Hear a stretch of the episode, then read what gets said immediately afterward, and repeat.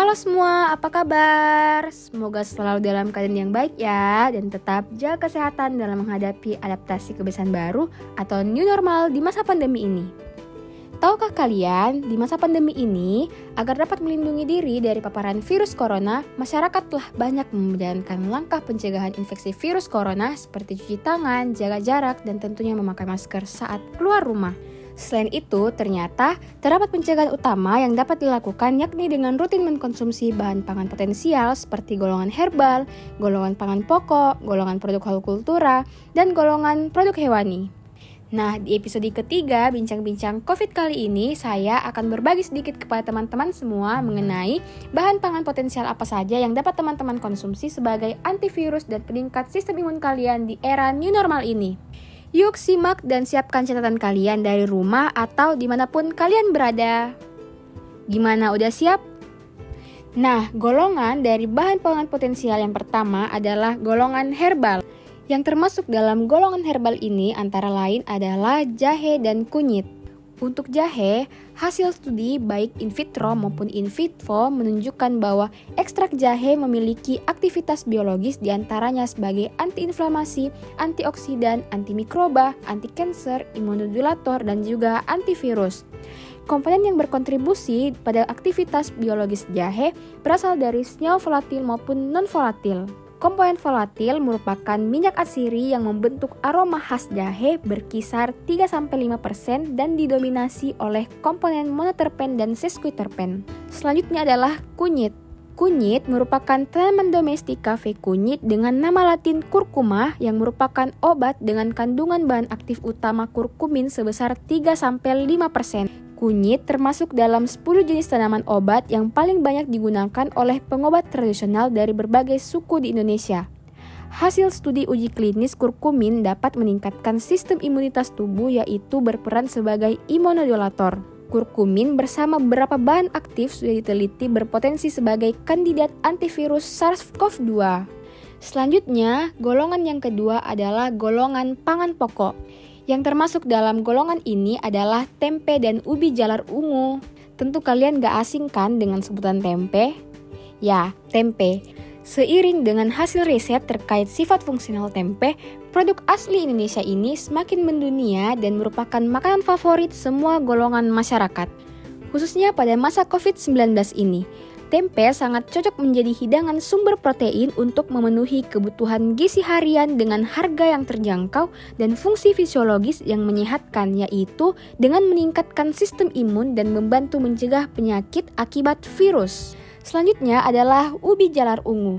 Kandungan antosianin pada ubi jalar ungu dapat berpotensi sebagai imunodulator yang dapat mengurangi resiko terjadinya penyakit degeneratif seperti kardiovaskular, aterosklerosis, dan juga kanker.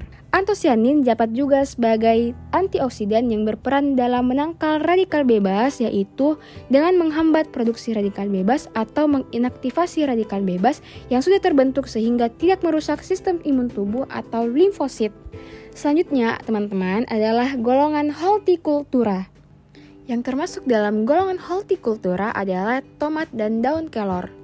Tomat dengan nama latin Lycopersicum memiliki khasiat dan manfaat sebagai peningkat sistem imun atau imun booster terutama diperoleh dari kandungan vitamin A yang tinggi mencapai 1500 SI per 100 gram.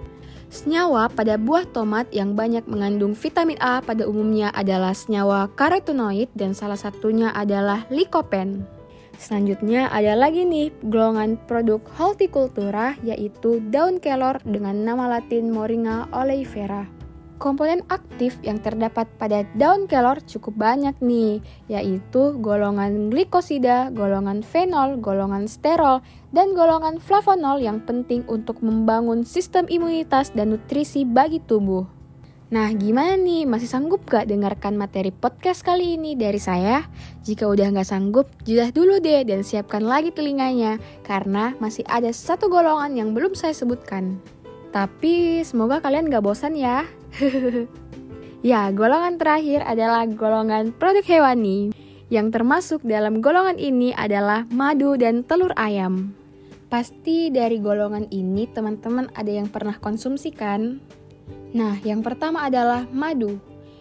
Madu telah banyak digunakan dalam pengobatan tradisional untuk mengatasi demam, infeksi bakteri, dan obat batuk.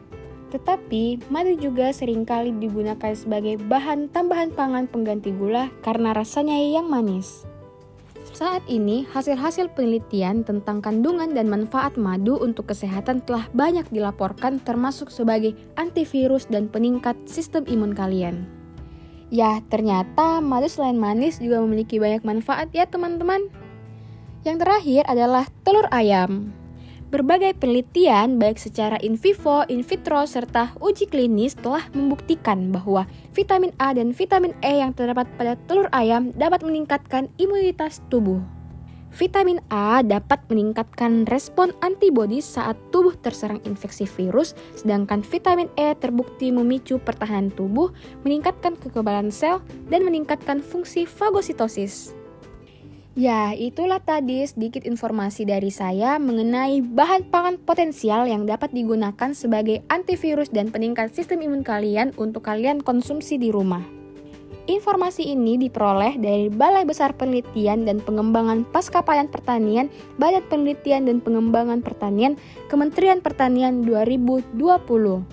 Jadi tidak perlu ragu dan khawatir lagi kan dalam mengkonsumsi bahan pangan potensial ini. Ya, sekian informasi dari saya dalam episode Bincang-Bincang COVID kali ini. Semoga bermanfaat ya, dan jangan lupa untuk dikonsumsi dan tetap jaga kesehatan. Terima kasih untuk telinga yang telah mendengarkan podcast kali ini sampai akhir ya. Saya Rifda Aulia, mahasiswa Fakultas Farmasi Universitas Hasanuddin pamit undur diri.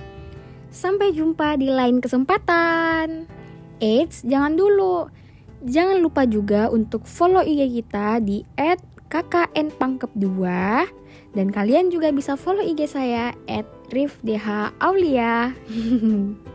Jadi sekian teman-teman, selamat melanjutkan aktivitasnya kembali. Sampai jumpa.